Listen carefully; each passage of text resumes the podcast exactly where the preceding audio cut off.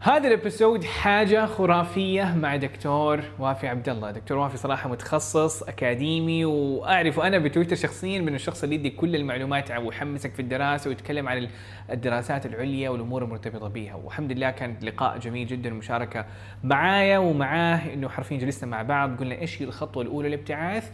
فدكتور وافي أدى أشياء رهيبة معلومات رهيبة وأنا أديت باللي أقدر عليه في جزئية ال IELTS فحتكون حاجة تجمع لك وتدي لك ال big picture وهذا الشيء صراحة اللي حمسني إنه ناخذ هذا اللقاء لأنه مو بس ال IELTS يقول لك إيش ما أو ليش أصلا تختبر ال IELTS وإيش الهدف منه؟ ومتى بالضبط تحتاجه؟ وفين بالضبط تحتاجه؟ وكم الدرجات اللي بالضبط تحتاجها؟ فحتكون مليانة معلومات ومعلومات احتمال جدا كبير إنك إذا أنت متابعني ممكن تسمعها لاول مرة. This is دليلك بودكاست. حياك الله حبيبنا عبد الرحمن. دائما وابدا وشرفتنا في هذا اللقاء.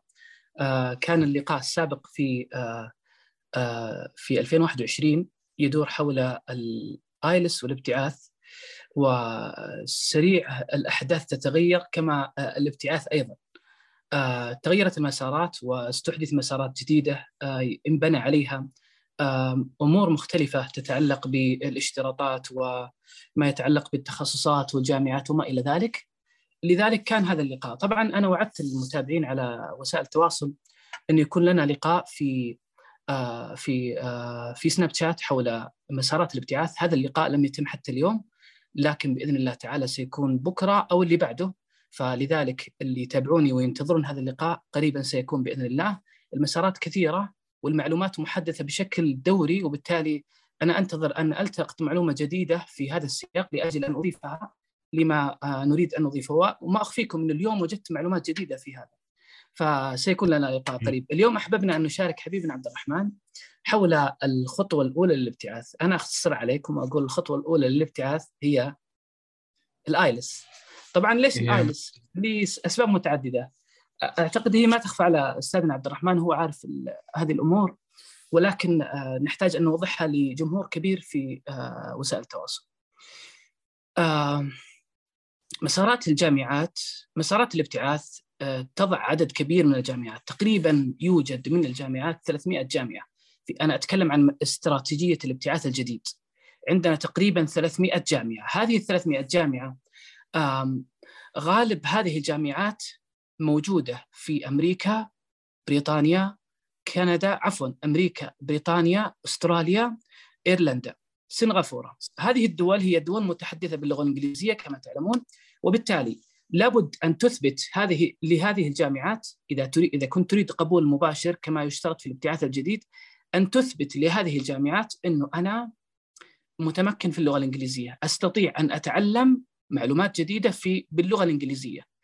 هذا لا يكون بمقابلة شخصية ولا يكون باختبار تحريري يقر عليك قبل أن تبدأ الدراسه، هذا يكون باختبار معياري عالمي معترف به. غالبا يشترط ال IELTS أو ما يعادله. طبعا تقريبا تقريبا كل جامعات الابتعاث تشترط يعني تقبل ال IELTS كاختبار آه، لغة إنجليزية معترف به ومعياري عالمي. طبعا هذا الاختبار هو في كل دول العالم آه، يعني معتمد في كل مكان بل في كل جامعة تقريبا حول العالم. حتى الجامعات الموجودة في دول لا تتحدث بالإنجليزية تجد عندها مسارات باللغة الإنجليزية. هذه المسارات تشترط ال IELTS أو ما يعادله. بالتالي كان هذا اللقاء الخطوة الأولى للابتعاث التي نحتاجها الآن قبل أن نتكلم عن مسارات الابتعاث بالتفصيل الذي يحتاجه الجميع. طيب أخونا عبد الرحمن آه، فيما يتعلق بجانب ال IELTS عندنا تصور آه، أنه الاختبار ال IELTS اختبار صعب جدا ولازم تكون متمكن في اللغة الإنجليزية علشان تختبر هذا الاختبار وأنه لا يمكن أن يختبر هذا الاختبار إلا شخص يعني نستطيع أن نقول ينافس المتحدثين الأصليين باللغة. آه، إيش تعليقك حول هذا الموضوع؟ صح وغلط بنفس الوقت. الفكرة زي ما يعني الآيلتس معياره كبير زي ما تفضلت قبل شوية إنه فلما أنا أفكر إنه أبغى أجيب الدرجة الكاملة وقتها فعلا اختبار مرة صعب اختبار زي كأنه لازم تكون native speaker عشان تجيب الثمانيه أو شيء زي كذا so فلما نقارن الدرجة بالمية بالمية اللي هي تسعة من تسعة في اختبار ال IELTS فعلا يكون الموضوع صعب. طيب لكن هل الجامعات تتطلب تسعة؟ الإجابة يعني لا. هو أفضل الجامعات عالميا يعني تطلب درجة سبعة ونص ك هذه من أقوى الدرجات الموجودة. نادرا يعني تنعد على أصابع تقريبا إذا نقول جامعات الطلب أصلا ثمانية.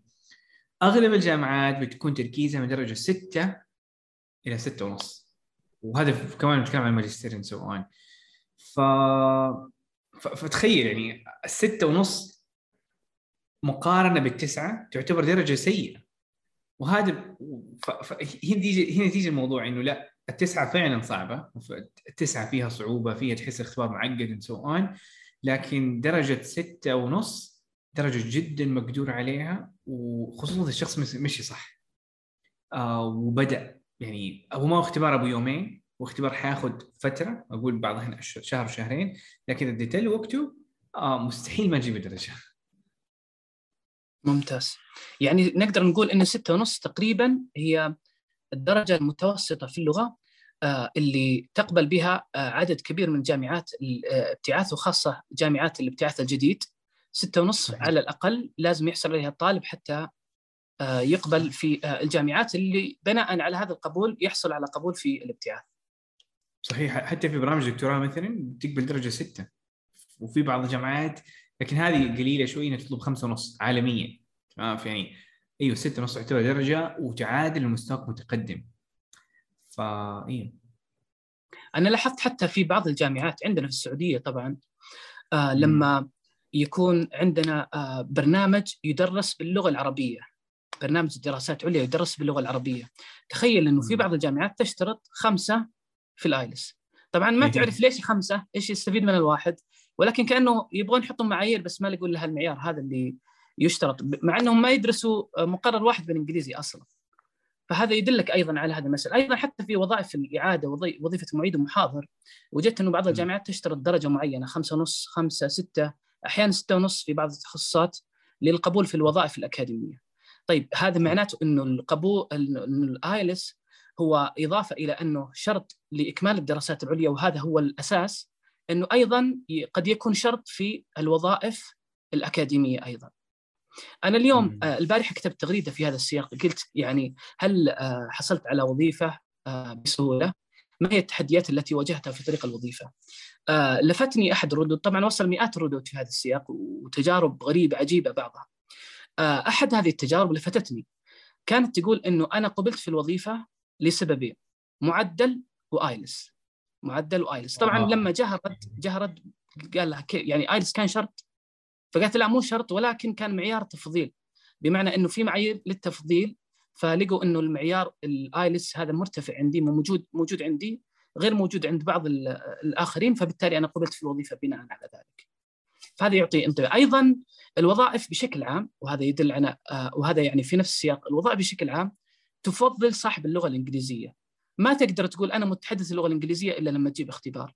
وإلا الادعاء قد يدعيه كل أحد، أنا أقدر أقول متقن الإيطالية، لكن ماذا عن الاختبار باللغة الإيطالية مثلا؟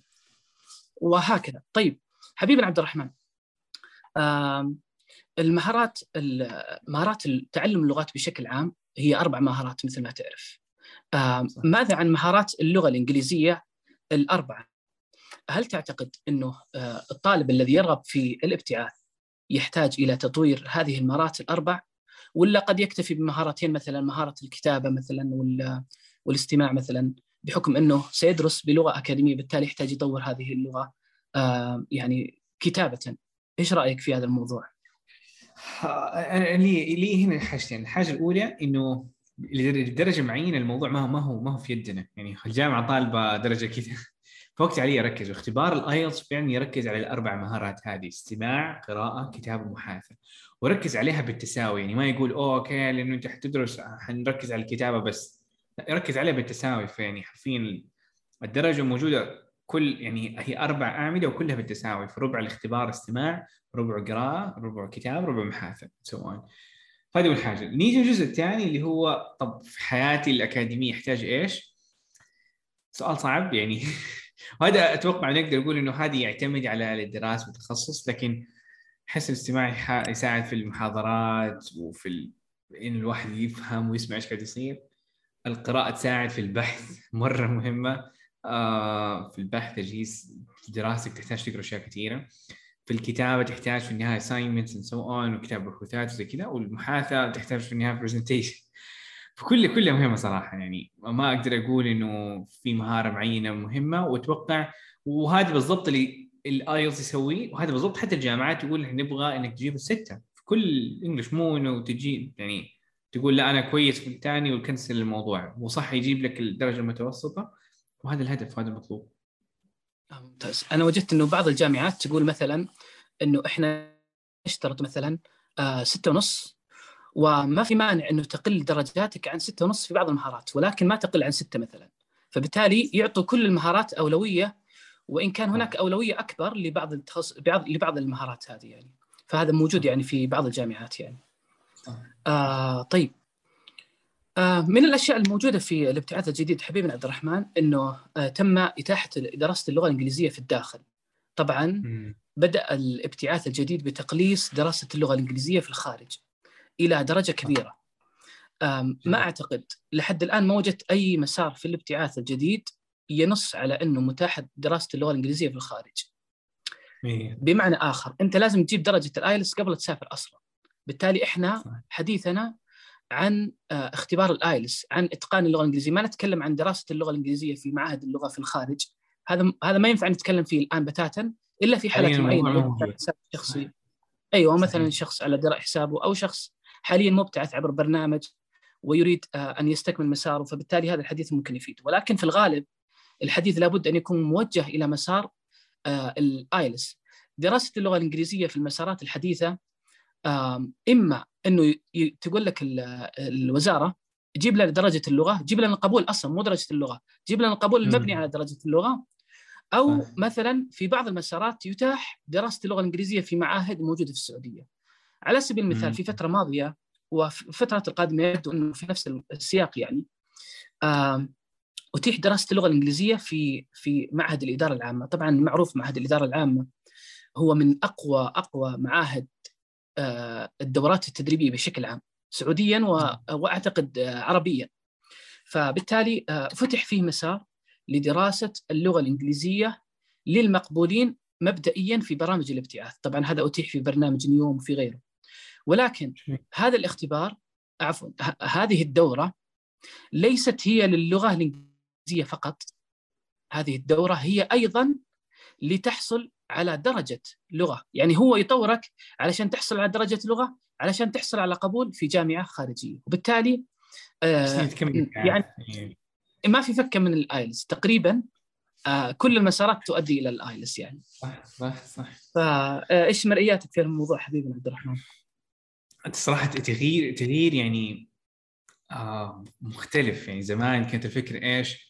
إنه okay الواحد يبتعث بعدين عندي سنة لغة وسنة لغة كمان وقتها عندك يا IELTS أو بعض الجامعات تقول لك okay من المعهد على طول تعال.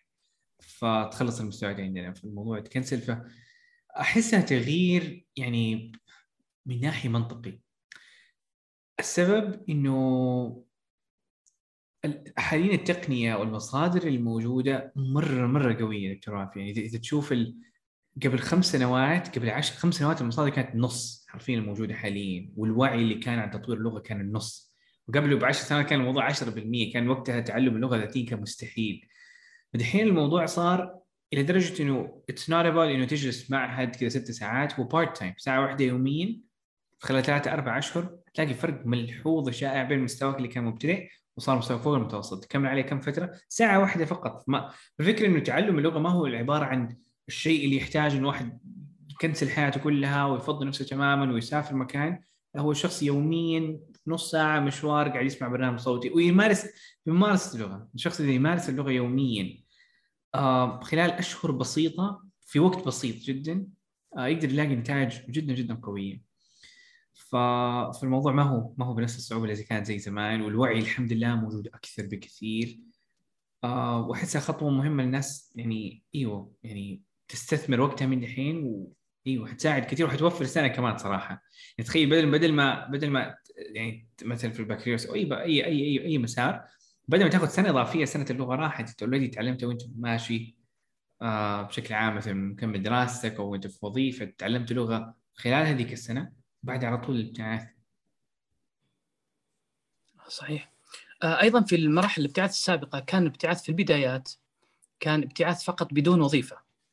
ما له اي. علاقة بأي جهة وظيفية أتكلم عن ابتعاث خادم الحرمين ثم بعد ذلك جاء وظيفتك وبعثتك اللي ربط الابتعاث بالوظيفة فكانت. الوظيفة إما إلزامية أو شبه إلزامية لدرجة إنه بعض الشركات وبعض الجهات توقع عقود مع الطلاب وهذه العقود صورية فقط لاستكمال إجراءات الابتعاث أصلا وكلهم عارفين إنه ترى فعليا مو لازم تيجي تعمل عندي لما تخلص من الابتعاث. آه في المسار الجديد في الابتعاث في حاجة حلوة صارت إنه صار الابتعاث يجعل لك أفضلية لدى الجهات الوظيفية.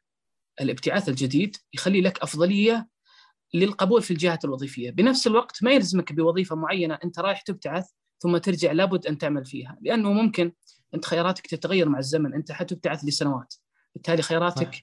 رغباتك البرامج المراكز جهات الت- ال- ال- ال- التوظيف بعد الابتعاث متعددة ومختلفة فربما تجد جهة متميزة في آخر الابتعاث أو بعد الابتعاث بالتالي تستطيع أن آه، تعمل لديها. آه، في نفس الوقت ما في أي إلزام بالوظيفة بعد التخرج. فهذا حل إشكالية عند الكثير اللي أعرف حتى اللي قالوا واو إحنا عندنا وظيفة بعد الابتعاث. ترى ما انحلت مشكلة لدى كثير منهم. كثير منهم قال أنا فعليا ارتبط بوظيفة أنا ما بها أنا أصلا ما دخلت صح. بالوظيفة هذه االا علشان أطلع ابتعاث أصلا. أنا كنت ففي حالات كثيرة في أيوه. مثلا الابتعاث الصحي ابتعثوا قبل سنتين تقريبا 1500 مبتعث ومبتعثة. أنا أعرف من قرابتي من دخل في هذا الابتعاث لأجل آه، يحصل على الابتعاث ثم لما راح هناك تورط. جالس يدور تخصصات قريبة حول الإدارة الصحية والمجالات الإدارية الصح تدخل في يعني في الصحة وفي الإدارة علشان يكون عنده مجال إنه يبتعد شوي عن تخصصه اللي ابتعث من أجله. ولكن آه ما في مجال. أما الابتعاث الجديد في حل هذا الإشكال. يعني آه، جملة وتفصيلا آه أعتقد إنه جد النظام الجديد يعني يحاول إنه في أشياء كثير يعني كانت يعني رهيبة مرة. يعني من منها مثلا أول حاجة يعني زي ما ذكرت النقطة هذه آه ربط الموضوع بالدراسة بال- بال- بال- بالحياة العملية يعني في أكثر من طريقة شفناها إنه الربط كان جدا جدا قوي جدا جميل. اي صحيح. أحسنت أحسنت. آه في نفس السياق وجدت يعني عدد كبير من التخصصات التي طرحت في الابتعاث الجديد ما كانت موجودة سابقا. يعني على سبيل المثال تخصص الرياضة كان ما أعتقد طرح إلا مرة واحدة فقط في تاريخ الابتعاث السعودي. أتكلم عن الابتعاث طبعا لما نقول الابتعاث السعودي غالبا إحنا نقصد ابتعاث خادم الحرمين الشريفين اللي بدأ في منتصف العشرينات ال- ال- يعني القرن الحالي الهجري. آه، ولكن آه، كان هناك ابتعاثات قبل ولكن على مسارات قليلة ضعيفة جدا كان أميزها تقريبا مسار ابتعاث الجامعات اللي أصلا كانت جامعات قليلة أصلا جدا يعني كانت تلك الأيام الجامعات ما تتجاوز تقريبا 12 جامعة على مستوى السعودية بينما الآن 30 جامعة مثلا أو أكثر. فمثلا طرح عندنا الرياضة مثلا، طرح عندنا مثلا الاقتصاد الرقمي وهذا أول مرة أشوفه. الإدارة العامة قليل يطرح. عندنا السلوك المؤسسي آه، أول مرة يطرح. آم، العمليات التشغيلية هذا طرح أيضا في الابتعاث الجديد وهذا لأول مرة يطرح ففي مسارات جديدة لأول مرة تطرح طبعا هذا ما يلغي إنه فعلا في مسارات أخرى طرحت جديدة في ابتعاث التميز على سبيل المثال في الابتعاث الثقافي اللي طرح من ثلاث سنوات تقريبا ولكن إحنا نقول إنه بعد في تخصصات لا زالت تطرح أيضا في في نفس السياق طرحت تخصصات كان الناس يقولوا تخصصات ميتة علم النفس علم الاجتماع آم، خدمة اجتماعية. ما كان في ابتعاث عليها ابدا في هذه المجالات. بينما صرح ابتعاث التميز مثلا إنه هذه الابتعاثات موجودة يعني هذه التخصصات موجودة. ف طبعا بس آه، حبيبنا عبد الرحمن. يعني حيضيف تفضل. تنوع كثير جدا و... ولاشياء مطلوبة حاليا. يعني دحين الناس بيحتاجوها زي ما ذكرت الاقتصاد الرقمي على سبيل المثال. هو هو شكله إيوه حيسيطر أشياء كثيرة اللي هو إيش عفوا؟ الاقتصاد الرقمي زي ما ذكرت و... آه، وتخصصات ذكرتها فعلا قوية جدا اي أحسنت لأنه رقمي يربط ال... اليوم كل شيء يتعلق بالتقنية والجوانب الرقمية وبالتالي آه تلقى غالب التخصصات تدخل في هذا المجال يعني. آم، طبعا باختصار مسارات الابتعاث هي أربعة في الابتعاث الجديد. آم، كل هذه. كل هذه المسارات هي مسارات ابتعاث مباشر. في بعض هذه المسارات يوجد ابتعاث غير عفوا يوجد ابتعاث بقبول غير مباشر قبول غير مشروط. عفوا قبول مشروط قبول غير مباشر اللي هو ابتعاث ابتعاث واعد. نعم ابتعاث واعد. طرح فيه مسارات يعني بعض الجامعات ابتعاث الرواد. ابتعاث الرواد طرح فيه جامعات ليست مم. موجودة في دولة إنجليزية أو متحدثة باللغة الإنجليزية كلغة أم. مثل جامعة مثلا طوكيو جامعة سانغوا مثلا الصينية جامعة كو يعني جامعة آه، يابانية وصينية هاتان الجامعتان آه، تدرس باللغة الصينية واليابانية. بالتالي الايلس هنا ما له علاقة. إحنا هنا علاقتنا باللغة آه، الصينية واليابانية. وزارة التعليم قالت إنه الابتعاث بإمكانك تجيب قبول غير مش... قبول مشروط بتحصيل درجة اللغة الصينية أو اليابانية وتبتعث في احدى هاتين الجامعتين. طبعا إحنا نتكلم عن مثلا 30 جامعة في ابتعاث آه 30 جامعة في ابتعاث الرواد لا يوجد من بينها إلا جامعتين تدرسان باللغة غير الإنجليزية. كل الجامعات. الأخرى 28 جامعة هي باللغة الإنجليزية، يعني تقريبا 90% من الجامعات ال- آه، ابتعاث الرواد هي جامعات إنجليزية. آه، بالتالي. هذا يعني يؤكد على مسألة ضرورة آه، تحصيل درجة اللغة. صحيح. كمتطلب أساسي للحصول على القبول كمتطلب أساسي للحصول على الابتعاث. صح صح صح. خطوة مرة مهمة يعني باختصار أحس إنه ومن أحد ال points حاب أضيف هنا دكتور وافي إنه إنه الناس تشوف ال IELTS ك يعني تجيني أسئلة بال بال بال بالكيلو يعني في الأسبوع الواحد. عبد الرحمن اختباري بعد أسبوعين. إيش كيف أبدأ؟ والمشكلة قاعد يعني مستواه مبتدئ وحاطط نفسه توقعات مرة قوي ويجيني العكس تماما. أحد يقول عبد الرحمن أنا خايف من الاختبار متخوف منه إلى درجة إنه أنا ماني قادر أبدأ حتى بتطوير ال English من كثرة ما ال IELTS مخوفني لأنه مستواي مبتدئ تماما. فهنا نيجي بين الإفراط والتفريط من ناحية انه الواحد يفكر إنه اختباره بيومين والثاني يفكر هذا الموضوع ياخذ سنوات. حرفيا قبل شوية في زوم دحين جانا سؤال يقول لك على الأقل تحتاج ستة أشهر عشان تجيب ال IELTS الإجابة لا هو يعتمد على عدد الساعات اللي تعطيه ومستواك يعني هي ثلاث أشياء بتحدد آه، كم تحتاج تعطي وقت أو ال IELTS بالنسبة لك قد إيش حياخذ وقت سواء من أشهر أو من عدد ساعات اولا آه، مستواك الحالي.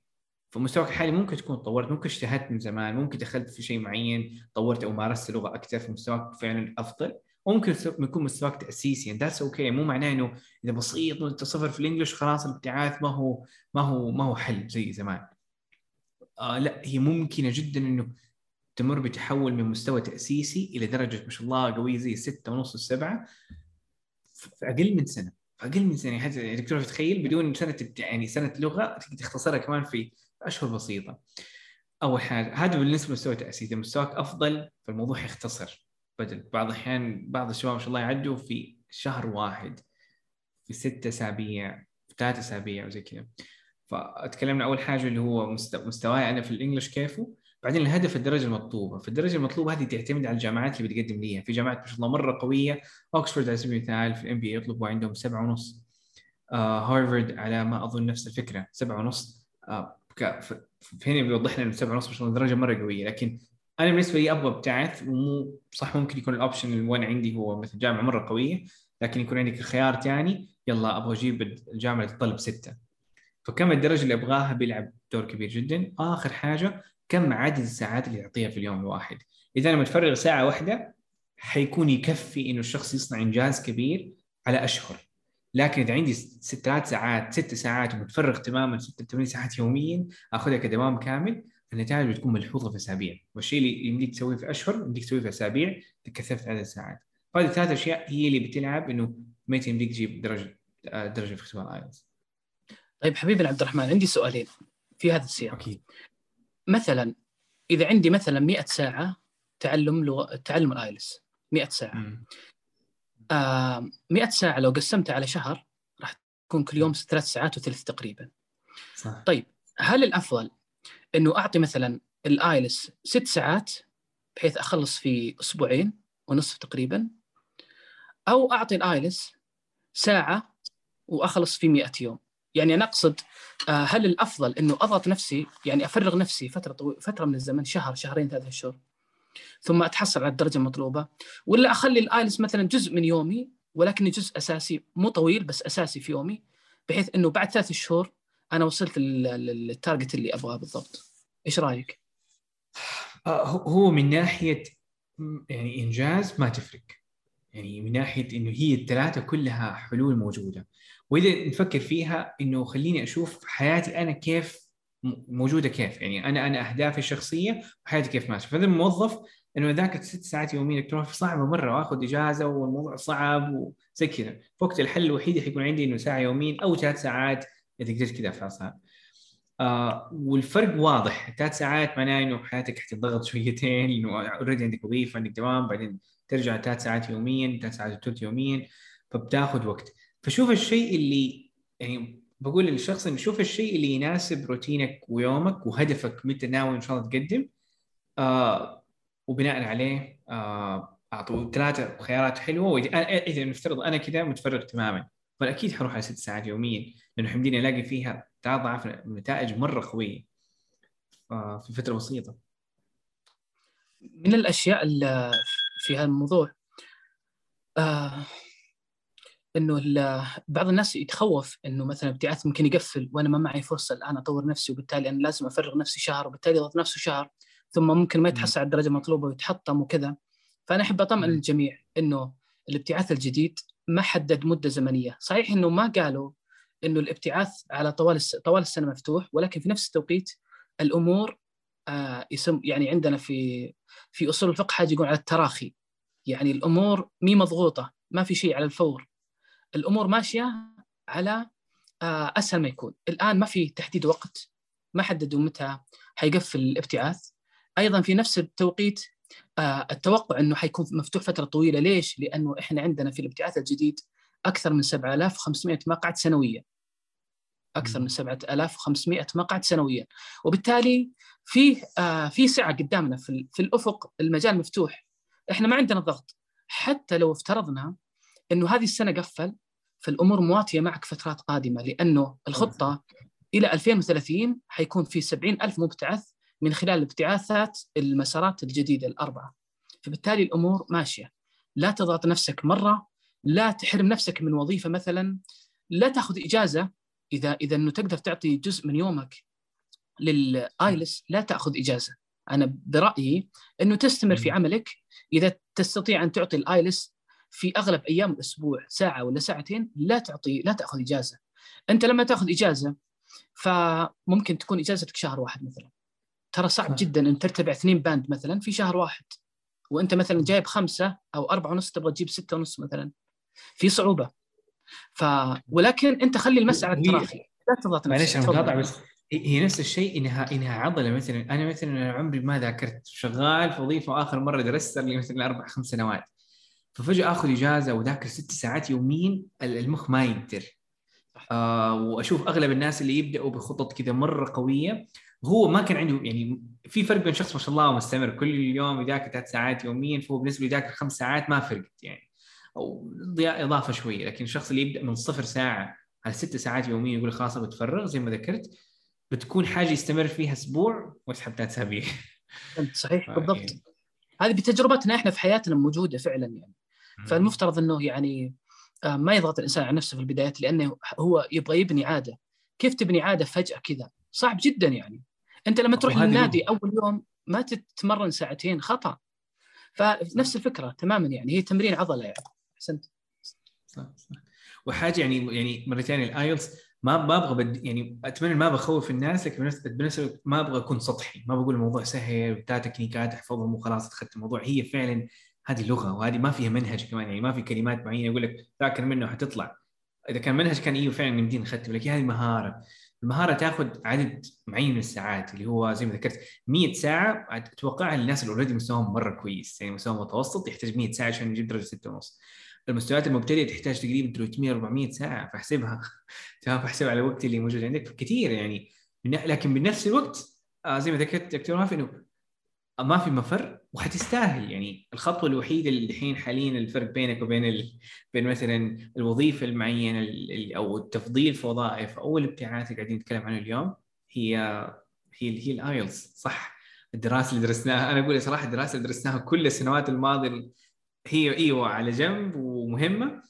لكن يجينا الجزء الناقص الكبير اللي هو ال IELTS وإذا جبناه فهو هو حيستاهل الوقت.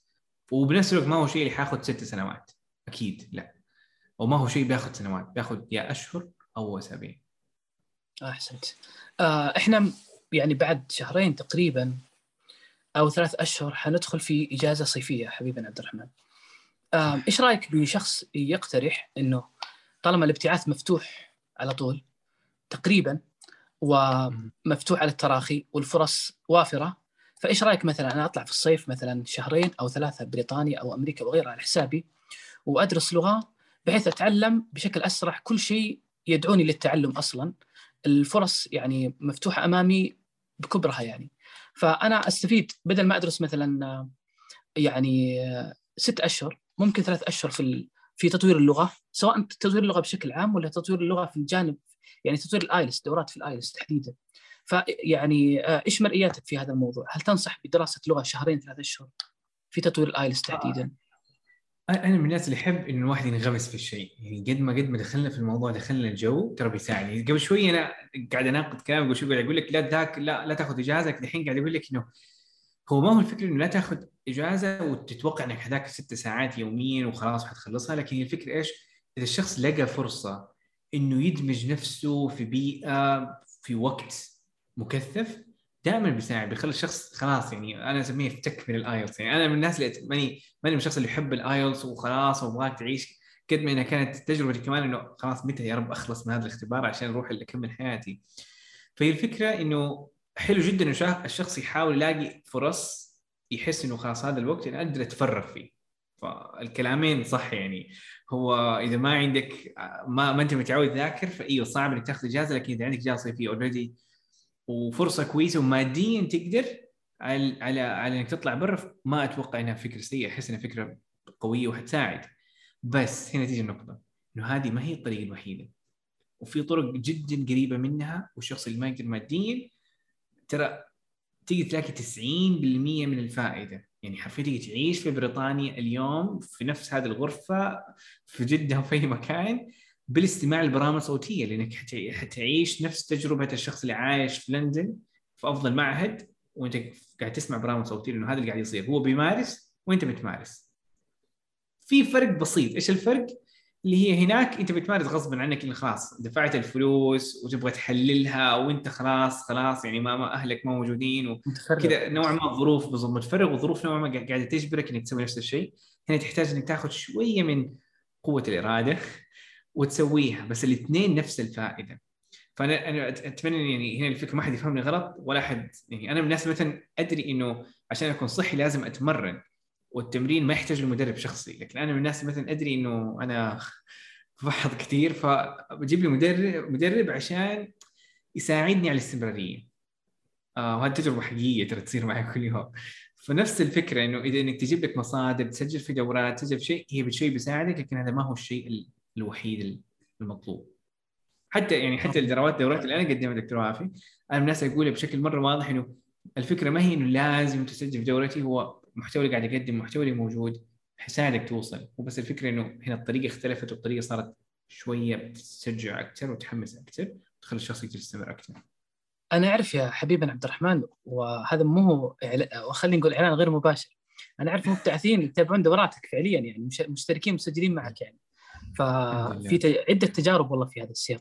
فانا اعتقد إنه تطوير اللغة بشكل عام هي ما يقدمه المعهد في الخارج وتطوير ال IELTS هو ما تقدمه الدورات اللي تعطي التكنيكات اللي تعطي ال- الاختبارات مم. السابقة تعطي تجارب معينة وهكذا.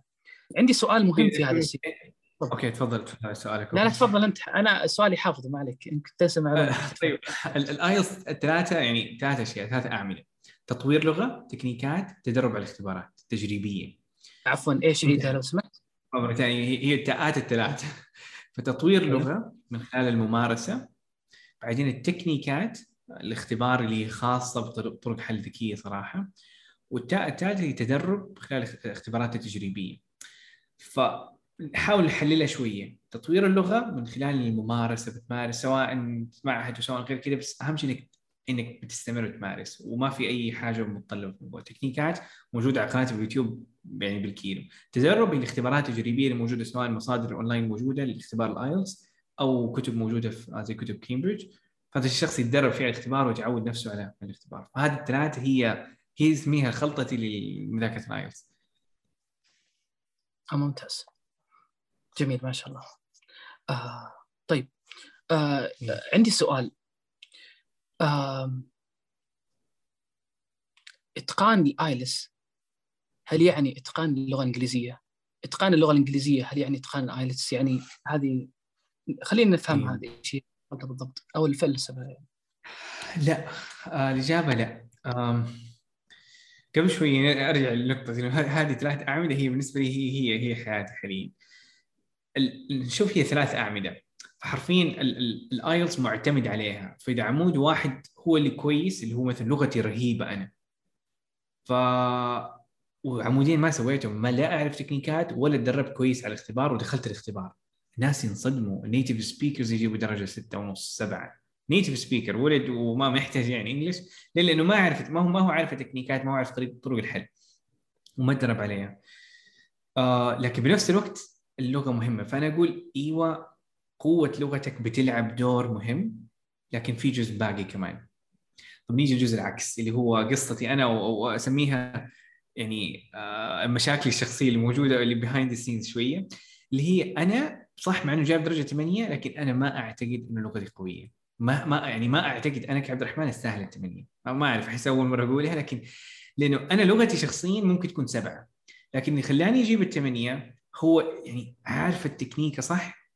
فساعدني بدل ما أجيب السبعة خلاني أجيب الثمانية وتدربت على الاختبارات خلاص لما عارف نمط الاختبار أقدر أتوقع السؤال الجاي حيكون إيش؟ أو تقريبا موضوع السؤال حيكون إيش؟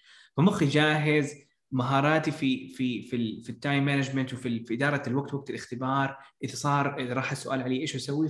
أعرفها صح. هذه ساعدتني أجيب درجة أقوى بكثير من لغتي الحقيقية يعني إذا حرفيا تشوفني أتكلم صح الحمد لله أفضل بكثير لما أنا بديت. بس إذا أحد يجي يقيمني ك native speaker يقول لك عبد الرحمن أنت ما تستاهل تكون تدريس IELTS لأنه وه- وأنا أحس إنه هذه يعني ما ما أدري لكن أحس إنه هذه أصلا هذا Crack IELTS Crack IELTS بحاول أوصل للناس إنه ترى مو لازم تصير ال native speaker والشخص الرهيب عشان تجيب الدرجة الكبيرة قد ما إنه يحتاج إنك تذاكر بذكاء وبأقل مجهود عشان تلقى تلاقي نتائج قويه وهذا يعني هذا انت هذا مذاكر منهج هدف كويس يعني. مثل ما يقول مذاكر okay. منهج كويس. معليش؟ مره تكون ثانية مذاكرة منهج بشكل ممتاز يعني. هذه هذه القصة إيه. تقريبا. اي بالضبط. يعني أنا أنا مجرب اولا أكثر من إنه مدرب. يعني أنا مجرب اولا وبالتالي بحاول أنقل التجربة هذه ومنها من كثرة بنقل التجربة. صرت إنه أيوه الحمد لله بدا آلاف الناس يستفيدوا وحققوا درجات قوية. ما شاء الله تبارك الله. الله يتممك على خير. آه شخص يريد اختبار اللغة. إيش المستوى الحد الأدنى في اللغة اللي ممكن الإنسان يدخل اختبار آيلس. طبعا مو سؤالي عن الدورة سؤالي عن اختبار آيلس تحديدا. إيش صح. إيش رأيك؟ حسب المتطلب. في متطلب جامعة تطلب أربعة. يعني هذه نتكلم هذه ممكن برا الابتعاث لسه. الابتعاث أتوقع يبدأ من درجة خمسة ونص. ممكن من خمسة لخمسة ونص. فوقتها من خمسة ونص بالتركيز فقط على الابتعاث وأتوقع هذا الجمهور الحين فوقتها لازم يكون مستواك فوق المتوسط. عشان تبدأ عشان وقت تدخل الاختبار. مستوى قبله لا تجرب. يعني الناس اللي أنا نصيحتي لا أحد قايس منكم يجرب اختبار الايلتس بس كتجربة لأنه في شيء اسمه اختبارات تجريبية ويعطيك درجة مطابقة لدرجتك الحقيقية بنسبة جدا كبيرة قبل بدون ما تدخل اختبار إذا أديت لها ثلاث ساعات ورا بعض. فمستواك على الأقل يكون فوق المتوسط اللي هو B 1 إلى B 2 آه ه- هذا هذا الإجابة بشكل عام. لكن مرة ثانية يعتمد على الدرجة المطلوبة. إذا مثلا درجتي سبعة فأنا ما أبغى أختبر وأنا مستواي فوق المتوسط. لازم أستمر أستمر أستمر إلى مستواي يوصل C 1 درجة قوية بحيث تخليني أجيب طيب، ففكرة لدورك. الشخص يدخل الاختبار ويجرب حظه. إيه تفضل. خطأ. آه بس آخر حاجة هنا فكرة الشخص يجرب الاختبار ويجرب حظه ما أتوقع هي حاجة آه المفروض أي أحد يسويها. لأنه مضيعه فلوس ورقم اثنين بيحطم بدرجة لدرجة كبيرة جدا. الشخص يقول أوه مجهودي كله اللي سويته ما استفدت شيء. وخليه خلاص يكنسل الفكرة كلها لأنه اختبر باختصار بسطحية بدون ما يفكر الاختبار ويخطط له كويس وياخذ اختبارات تجريبيه آه. تفضل. طيب بالنسبة لدورتك حبيبنا آه أو الدورات المتخصصة في ال IELTS طبعا هذا السؤال المفروض قبل يعني ولكن أجلته. آه هل آه، نفس المستوى اللي يدخل ال IELTS يدخل الدورة بمعنى نفس الكلام اللي قبل شوي ينطبق على من أراد دخول دورة تدريبية. أنا بالنسبة ما ما أقدر أقول فقط يعني حقول على دورتي حقول بشكل عام. فكرة يعني قبل قبل شوي تكلمنا على سؤال هل أدخل الاختبار؟ أدخل قاعة الاختبار وأنا مستواي؟ في فرق كبير بين إنه أدخل قاعة الاختبار وإنه أبدأ مذاكرة وتجهيز لاختبار الايلتس فهنا في فاصل كبير وأنا هنا يعني عكس الإجابة عكس بعض. إنه قاعه الاختبار ادخلها لما تكون جاهز بالملي وأنت عارف إنك حتجيب الستة ونص وأنت متأكد من الموضوع بنسبة مرة كبيرة. واذا سبحان الله ما جبت ستة ونص حتجيب الستة ما خسرت شيء كبير. لكن لما متى الشخص يبدأ مذاكره اختبار الآيلتس؟ اليوم. ف يعني بدون أي يعني إذا أنت مستواك مبتدئ هذه أفضل وقت تقدر تبدا فيه الاختبار الآيلتس. طيب عبد الرحمن كيف نبدأ الاختبار الآيلتس؟ في البداية نفس الأعمدة الثلاثه حنركز عليها. في البداية حنركز على تحديد المستوى المبتدئ والتأسيسي حركز فقط على التأسيس والمبتدئ لمدة يعتمد على عدد الساعات الشخص بيعطيها لمدة شهر شهرين ثلاثة أشهر إذا كانت مذاكرة بسيطة. الشخص أول ما يوصل مستوى المتوسط هذا الوقت اللي دحين عليه يجهز للآيلتس واللغة مع بعض. ويطور لغته شوية شوية ويختبر آيلتس ويجهز نفسه لقسم استماع فيطور لغته ويجهز الايلتس فهذا لما الشخص يدمج الآيلتس وتطوير اللغة مع بعض تكون نتائجه أضعاف أضعاف إذا الشخص فصل يقول أول شيء خليني أجيب مستواي يكون فوق المتوسط بعدين أجهز اختبار ايلتس فالإجابة لازم إذا مستواك متوسط المفروض تبدأ بالاثنين مع بعض تطوير لغه والايلتس مع بعض عشان تحقق درجة زي 6 ونص 7 وأرجع الحين أجي أجاوب على سؤالك بالضبط الحين. بالنسبة لي فهذه هذه هذه هذه الاستراتيجية بشكل عام. سواء كانت بالمصادر اللي بقدمها مجانا سواء كانت مثلا أحد ملتحق بمعاهد فلا تعتمد فقط على المعهد لأنه هذاك فقط يركز على الايلتس قصدي على اللغة تحتاج إنك تركز على الايلتس مع بعض أجي على دورتي فأنا دورتي دائما حاليا بقدم دورتين. امسك اكتمل التسجيل. بس الفكرة في نفس ال concept ينطبق عليها إنه ببدأ مع الشخص بمستوى مبتدئ. آه، حتى في حاليا الدورة الأولى الدوره التاسيسيه الناس اللي مستواهم صفر تماما ويبغى يتاسس مقدم دورة تأسيسية في الموضوع.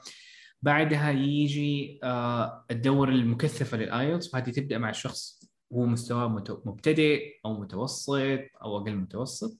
من هناك نركز على نفس الاستراتيجية نطور اللغة مع الآيلتس مع بعض. ونكمل هناك. فمتى الشخص يبدأ؟ اليوم. آه، ممتاز ممتاز. يعني هذه هذه لفتة جميلة إنه دورتك تطور الآيلتس وتطور اللغة في نفس الوقت. تركيزه مرة يعني أنا دورتي تلاحظ دكتور طبعا عندك فكرة ما شاء الله مرة كويسة. دورة انه إنه أنا ماني من الناس اللي مثلا أعطي ثلاث أربع تكنيكات أو يعني دورتي ما هي لمدة أسبوع. غالبا دو يعني صح الناس اللي مستواهم مرة كويس يطلعوا منها أسبوعين. آه لكن أغلب الناس يدخلوا معي مستوى مبتدئ ويحتاجوا درجة ستة ونص. ف... فأنا بمر بال... بال extreme case يعني رحلة طويلة بالضبط تاخذ غالبا من ثلاثة إلى ستة أشهر مع من المشترك المتوسط. لكن الحمد لله بيتحول من مستوى مبتدئ وخلال أسابيع يقدر يقول يا عبد الرحمن فعلا بديت أسمع الكلام وأفهمه زمان ما كان يمديني آه ما شاء الله. من هناك الله يتحول ويكمل على التكنيكات والاختبارات التجريبيه وزي كذا. بالمناسبة أنت جالس يعني المحتوى اللي طبعا المحتوى حسب ما أعرف هو هي أكاديمية متكاملة. في نفس الوقت أنت جالس تتفاعل مع المستفيدين بتطوير كتاباتهم أو اجابه عن استفساراتهم. لكن في نفس التوقيت بالنسبة للفيديوهات هي جالسة تتطور مع الوقت. بمعنى أنه أنت تحذف أو تعدل أو تضيف فيديو جديد أو مثلا مهارة جديدة أو إلى إلى آخره يعني ولا محتوى ثابت على مدار الأشهر مثلا والسنوات؟ آه قصدك بشكل عام في المحتوى آه على السوشيال ميديا ولا قصدك في الدورة في الدورة التدريبية أقصد تحديدا. إيه okay اي بالنسبة للدوره المكثفه في تحديثات شبه أسبوعية ف يعني بشوف التحديثات اللي قاعدة تيجي وتطور الحمد لله من خمس سنوات مع المشتركين في الدورة وأشوف النتائج اللي قاعدين يمر فيها وتعلم أوكي كان المفروض إذا حطينا المرة الجاية ركزنا على هذا الجزء مثلا حيعطي نتائج أقوى. وبالتالي في التحديثات بتكون مستمرة والمشترك يعني بيمر على أهم التحديثات اللي قاعدة تصير في نتائج. يعني كيف أنا طموحي حاجة واحدة إنه كيف أقدر أخلص أخلي أكسل شخص في الكرة الأرضية يجيب ستة ونص في اقصر وقت ممكن. فهذا هذا ال extreme case بالنسبة لي. فهدفي إنه كيف في اقصر وقت ممكن أبسط الموضوع واقدر أخليه كذا ممتع. فبغير السوشيال ميديا هذا بحاول فيه قد ما أقدر لكن لما أجي على الدورة لأنه في الدورة عندي إمكانيات أقوى. مثلا الفريق الحمد لله موجود منصة تقنية آه، فيها تفاعل يحاكي المدرب مثلا. ففيها concept زي ال gamification الشخص يحس إنه قاعد يقعد يعني في لعبة أكثر منه في حاجة مملة وزي كذا. فجأة في نص الفيديو أسأل سؤال زي كذا. ففي تحديثات مستمرة وشبه أسبوعية الحمد لله. ما شاء الله. طيب بس سؤال أخير كذا خارج المنهج على ما يقولوا آه، أنت شغال ما شاء الله في تويتر. وفي آه، اليوتيوب وفي إنستغرام هذا اللي اعرف أنا. هل في غيرها؟ طبعا. التليجرام خاص بال- بالحاضرين وكذا بالمشتركين أقصد. هو صراحة يعني بحاول أنا من الناس اللي مثلا أحاول إنه أكون في كل منصة لأنه أحس إنه كل واحد لما مثلا أنا أفتح التليجرام ما أبغى أروح أفتح تويتر. فليش ما أفيد الشخص اللي موجود اللي فاتح التليجرام دحين؟ ساعده هناك. من هنا بدأت الفكرة إنه خلينا نكون على اليوتيوب. أحب الفيديو دائما لكن نفس الشيء بحاول أكون في تويتر في تليجرام في تيك توك آه, آه ما فالحمد شاء الله. لله. في تيك توك. دخلت عالم التيك توك ما شاء الله. إيه إيه. لكن ما لكن حبة حبة. ما ما ما أقدر ما أقدر ما أقدر أرقص وزي كذا. إيه، باقي. حبة حبة. هي ف- طيب إيش المنصة اللي تعتقد إنها هي الأفضل في في التفاعل في التعلم؟ يعني برأيك يعني إيش الأفضل يعني بين هالمنصات. كلها؟ سؤال مرة صعب. قلت لك سؤال خارج المنهج. إي سؤال مرة صعب صراحة. آه، ممكن كل منصة لها امتياز معين مثلا؟ كل كل منصة ليها؟ يعني جا جا ال gap الخارج المنهج. عندي ولا آه. منصة. صراحة ولا منصة. أفتح المنصة على اللابتوب حمل المصادر قفل السوشيال ميديا. ما ما- ما أدري أحس أحس إذا أنا كنت أجي مثلا بذاكر ايلتس حشوف عبد الرحمن أشوف فيديوهاته كذا مرة واحدة وأبني أخذ لي خطة. واقفل السوشيال ميديا احذف الموضوع كله. ف مع إنه مع إنه أنا عايش على السوشيال ميديا بس أيوه هذا هذا الاجابه اللي تيجي يعني من يعني كذا من كل قلبي يعني. ما شاء الله تبارك الله. الله يتمم لك على خير. طيب آه نرجع للمنهج. okay. آه ولعلنا يمكن يكون هذا الختام يعني أو قريب من الختام. آم، طبعا آه، أنا بس حاب أوضح بعض النقاط المهمة في في الابتعاث الجديد إذا سمحت لي. آه، طبعا ال- هو مسمى باستراتيجية الابتعاث الجديد. آه، طبعا في مجموعة من الامتيازات والأشياء المختلفة عن غيرها أو في يعني آه، ما كانت تتكرر بكثرة في برامج الابتعاث الأخرى. على مدار خلينا نقول تقريبا 20 سنة ماضية في ابتعاث خادم الحرمين الشريفين. في الابتعاث الجديد استراتيجية الابتعاث الجديد يمكن التقديم على أكثر من مسار وجامعه وتخصص. وهذا يفتح لك المجال. إنه أنا أقدر أقدم على مجالات متعددة على تخصصات متعددة على جامعات متعددة علشان أضمن أكبر فرصة ممكنة في آه، آه، في الابتعاث. أيضا في الابتعاث الجديد وهذا أول مرة ينص عليه يعني مع إنه كان موجود سابقا في المراحل الأخيرة في السنوات الماضية القريبة ولكن أول مرة ينص عليه صراحة إنه لا يشترط وجود محرم لا يشترط وجود محرم في بلد الابتعاث.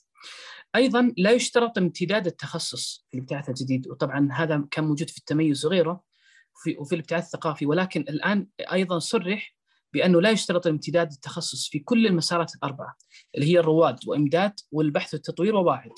طبعا راح نتكلم عنها بشكل تفصيلي إن شاء الله في سناب شات في في اليومين القادمين مثل ما وعدتكم إن شاء الله.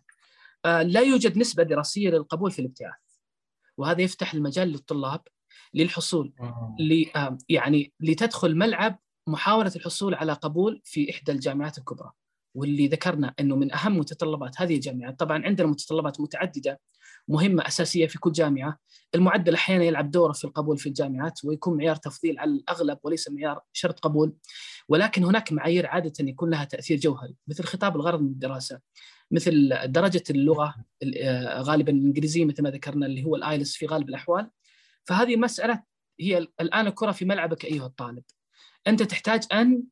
آه، توفر المتطلبات المتبقية عليك لتحصل على قبول لتحصل على مقعد ابتعاث وزارة التعليم قالت ال- قالت ال- ال- الكرة في ملعبك الآن. جيب لنا قبول ابتعاثك. شبه مضمون. ما فيه يعني المسألة من. الأخير كذا. إحنا ما نبتعثك ونحاول تحاول تجيب قبول ممكن تقعد سنة سنتين ثلاث ما تجيب قبول وترجع بعدين بدون دراسة. لا أنت جيب لنا قبول اختصر الموضوع ثم تبتعث بامتيازات مبتعث كامل. فلذلك يرجع موضوع ال- المتطلبات. نفسك تختصر على الوزارة كمان. إيه، والاختصار أقول من كل النواحي. الشخص يختصر على نفسه سنة وكمان يختصر على بدل ما يجي سنة سنتين ويرجع بالضبط. إيه. صح صحيح. فتبقى الآن الكرة في ملعب الطالب. لازم يعني يطور الأشياء الأساسية اللي يجب عليه أن يتحصل عليها ليحصل على مقعد ابتعاث. طبعا الآن في السابق كنا نحتاج إنه الطالب آه، يطور لغته الانجليزيه وهذه مسألة أشهر. يعني يروح يسافر بلد الابتعاث يطور لغته الانجليزيه وهذه تكفينا إياها معهد اللغة.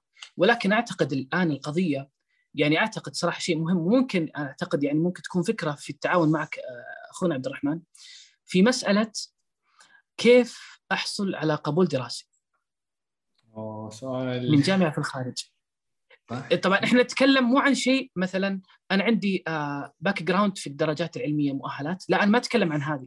إحنا نتكلم عن شيء في المستقبل. يعني المرحلة اللي بين التخرج من المرحلة اللي أنت خلصتها وبين الحصول على مقعد الابتعاث هنا في gap صح. هذا ال gap يعني آه، يحتاج تكنيكات أيضا مثل تكنيكات الايلتس يعني الايلتس جزء منه. مهم. بالضبط. عرفت كيف؟ إيه. إيه. فاحنا عندنا اي صح دكتور أنا مرة مستغرب يعني يعني كيف الشخص يقدم كيف طب كيف خطوات التوصيه كيف إيش نظامها تقديم على الجامعات كيف الشخص يفلتر الجامعات عندي فين الموضوع مرة مرة مرة مهم. وما شاء الله عليك أنت غطيت أسمي ثلث الموضوع أكثر جزء كبير جدا منه ما شاء الله إنه مسكوا طب الرحمن بتاعت طب إيش أسوي دكتور وافي ما شاء الله حيترجم لك الموضوع ما شاء الله. ترجمت لنا كل المسارات والانظمه بشكل كذا سهل. يعني أنا بنفسي حرفيا في هذا اللقاء في تقريبا ست سبع معلومات أول مرة أعرف عني عليها صراحة. مع إنه في ناس كثار يسألوني في الموضوع لكن إيه ما شاء الله يعني. فجزاك الله بخير وأحس إنه فعلا هو مجال نقدر نقدر والله ودنا نقدم فيه اخونا عبد الرحمن يعني شيء للجمهور يعني يفيد يعني آه، تكون أشبه بالدورة اللي تكون على يعني كل فيديو مثلا خمس عشر دقائق ويكون عندنا مصادر متعددة في اسفل الفيديو. يعني تعطيك معلومات أكثر نماذج مثلا يعني أشياء مفيدة تبز مثلا وهكذا بحيث إنه الطالب لما يبغى يقدم يصل إلى مرحلة إنه ممكن هو يقدم بنفسه على قبول وإنه تقريبا شبه ضامن القبول في إحدى الجامعات اللي تقدم عليه. صح. فلعله إن شاء الله يكون مشروع قادم بإذن الله. في نقطة أخيرة آه ممكن أنبه عليها طبعا أخيرة بالنسبة لي ولا أنت المجال مفتوح معك حبيبنا عبد الرحمن. آه عندنا الله يسلمك آه، في الابتعاثات. طبعا إحنا عندنا كذا مسار في الابتعاث. عندنا البحث والتطوير 200 جامعة بحسب تصريح الوزارة. عندنا إمداد 200 جامعة. عندنا واعد 200 جامعة أيضا. طبعا واعد حتى الآن ما صرح بهذه الجامعات ولكن في غالب الأحوال هي 200 جامعة. ولكن لما ندخل الجامعات هذه في كل تخصص معين نلقاها أقل من 200 يعني تلقاها مثلا 160 170 150 إيش الإشكال؟ هل الوزاره تكذب؟ لا مو هذه القضية. السبب سببين طبعا. السبب الأول إنه وزارة التعليم تقفل بعض الجامعات بسبب التكدس. يعني هي جامعة عندنا قائمة من زمان موجودة 200 جامعة أقوى 200 جامعة.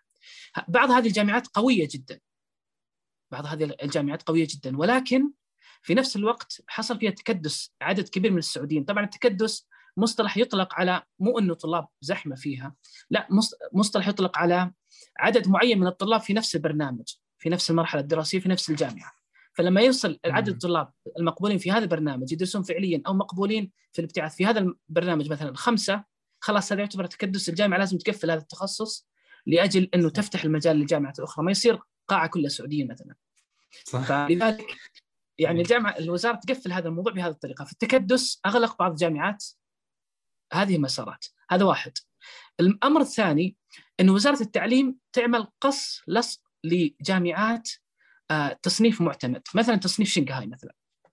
فتأخذ أقوى 200 جامعة. في الجامعات في تصنيف الجامعات أحيانا خمس جامعات تتفق في رقم معين في التصنيف. يعني قوتها بنفس القوة في التصنيف هذا تحديدا. فتلقى قوتها مثلا 97.3 مثلا.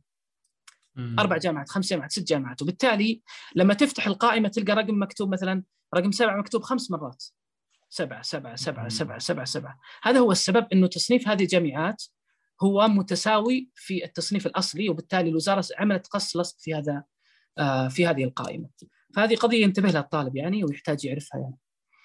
آه، إيش تختم لنا حبيبنا عبد الرحمن؟ آه، ختام المسك. تفضل. يعطيك العافية أنت أوريدي ما شاء الله ما ما قصرت احس إنه فعلا يعني الخطوة الأولى دحين واضحة للجميع و في خطوات أكثر التفصيل زي ما ذكرت. آه الشخص يبدا أحس انه إنه الخطوة كلها الحمد لله تكلمنا كثير وتوقع ما شاء الله الجمهور ما شاء الله موجود من القلب ومتابع. أتوقع كان لقاء تكلمنا فيه أشياء مرة كثيرة بس اذا يعني اذا إذا نقدر يعني نصيحتي هنا إنه بطل جمع معلومات اللي عندك دحين اليوم حتى إذا مش اليوم سمعتني لين دحين ترى عندك الأساسيات. وفعلا الايلتس هو الشيء اللي حياخذ شوية وقت يعني مثلا التقديم على الجامعة فهم الأنظمة والمسارات زي كذا حتاخذ أيام أو أسابيع أو ساعات بسيطة. لكن الشيء اللي حياخذ فترة شوية هو اختبار الايلتس أفضل طريقة إنك خلاص كفاية أبدأ أخذ الخطوة الأولى. آه ويجيني سؤال عبد الرحمن طب كيف أبدأ اليوم الليلة الحين تحديدا اليوم كيف إيش الخطوة الأولى؟ فنصيحتي الحين أروح كذا للموقع أكتب 13 english.com هو حرفيا في الفترة الأخيرة دكتور زي ما تدري إنه اختبار تحديد مستوى في أقل من 13 دقيقة. تعرف مستواك وبعدها بقول لك إيش الخطوة الجاية اللي اقترحها ليك بمصادر مجانية يعني بالكامل بدون أي مقابل وبدون ما كذا يعني تقل عليك. عليك حقول لك في وصول الطلاب للرابط هذا حبيبنا. نفس حرفيا يعني إذا إذا بحثنا عليها إيوه أنا ممكن أكتبها لكن 13 يعني 1 3 english.com English ال English ال spelling هذه و13 english.com الرابط واضح يعني على تويتر إن شاء الله حنزله على حسابي. آه في في زوم كمان حكتب الحين. آه ما شاء الله كتبوا الجماعة هنا ما شاء الله. إي خلاص كتبوا. بالضبط هذا هو الموقع. ادخل فيه أبدأ بمستواك وبعدين حقترح لك أفضل شيء ممكن أنصح فيه بمصادر مجانية وزي كذا. فاهم شيء أبدأ يعني أبدأ الخطوة تبعك يعني عبد الرحمن. إيوه إيوه. هذه كان من أكثر الأشياء اللي الطلبات تجيني. إيوه الحمد لله. في الأخير. ما شاء الله تبارك. بالضبط. فهو عبارة عن الحمد لله اختبار يعني بستخدم فيه أكثر من تقنية من ناحية بدل ما تكون اسئله جرامر فجرامر فوكابلري مع استماع. فبتحاول يعني يعطي مستواك التقريبي وبنفس الوقت يعطيه أوكي إيش الهدف وايش الخطة المقترحة. الحمد لله الفترة الحالية آه بربع مليون شخص اختبر وحدد مستواه ما شاء الله. ما شاء الله. ما شاء الله تفضل. جزاك الله خير يعني ما شاء الله يعني فالناس كثار الحمد لله استفادوا منها ودع يعني أيوه كان في دعم كبير ما شاء الله منك. فايوه الحمد لله. جزاك خير حبيبنا الله يبارك لك ويبارك جهودك. أنا أول ما شفتك قبل تقريبا ست سنوات في في تويتر أو سبع سنوات ما كنت أعرفك صراحة وقتها. أعتقد في حدود ال 35 ست... لا 37 أو 36 تقريبا. فكنت أقول وش هو هذا اللي داخل علينا دليلك IELTS؟ إيش بيقدم يعني؟ فما شاء الله برزت ما شاء الله وقدمت شيء لا يستطيع يعني إلا الندرة تقديمه في مجال ال IELTS في آه، اختبارات اللغة الإنجليزية. بسطت علينا يعني أشياء متعددة. عرفتنا بأهمية هذا الاختبار بكيف ممكن واحد يحصل على درجة عالية فيه. آه، قدمت كثير من المصادر المجانية والمعلومات المفيدة والنافعة في كافة وسائل التواصل. أنا طلعت معك في لقاء قبل ستة أشهر تقريبا. كل يوم ما شاء الله طلع لي بفيديو قاص ومضبط لي فيديو حلو ومنزل لي هذه هذه لعبتي معلومه معينة. إيه. فجزاك الله خير على ما تقدم للجماعة وللطلاب بشكل عام وللمعرفة. من امتيازات وسائل التواصل إن هذه المعلومات والكم الهائل حيبقى بعد فراق الإنسان للحياه يعني حيبقى كل شيء لك. فكيف حيكون دعاء الناس لك ذكر الناس لك بالخير انتفاع الناس بما تقدم؟ آه الكل يدعي لك يعني. حيقولوا فلان الله يرحمه. تخيل ذكره الإنسان الله يرحمه في اليوم الواحد تتكرر آلاف المرات. شيء عظيم جدا يتمنى كل أحد والله. فالله يتمم لك الأمور على الخير في الحياة ولنا جميعا إن شاء الله. وكذلك بعد الممات شكرا لما قدمت حبيبنا عبد الرحمن. نعم. أنا ممتن لهذه الفرصة الطيبة اللي جمعتنا فيك وبإذن الله سيكون لنا فرص قادمة آه، في منصات نعم. متعددة. تفضل إذا عندك شيء اخير جزاك الله خير وكانت لقاء ما شاء الله مرة مرة مرة يعني أعطانا فكرة مرة قوية وأتمنى إنه قدرت أدي اللي أقدر عليه إن شاء الله. فرصة سعيدة ولقاء إن شاء الله ثاني بإذن الله. بإذن الله. الله يسعد أيامك. يبارك فيك. ليلتك سعيدة حبيبنا أنت والجميع إن شاء الله. ونلتقيكم على الخير دائما إن شاء الله. في أمان. مع السلامة. أهلا وسهلا. مع السلامة. Thank you so much for listening. مرة مقدر اهتمامك واستماعك ودعمك. فهذه الأيام صراحة بحاول إنه أعطي أفضل ما عندي وإنه أساعد الجميع. فأي سؤال وأي استفسار كلمني على الخاص. وإذا حبيت إنك تتابع البودكاست إنه قاعد أنزل حلقات مرة قوية عن التحفيز عن ال IELTS عن تطوير اللغة عن قصتي فتابعني على دليلك في IELTS.com slash podcast عشان تشترك في البودكاست هذا ويعطيكم ألف عافية. مع السلامة.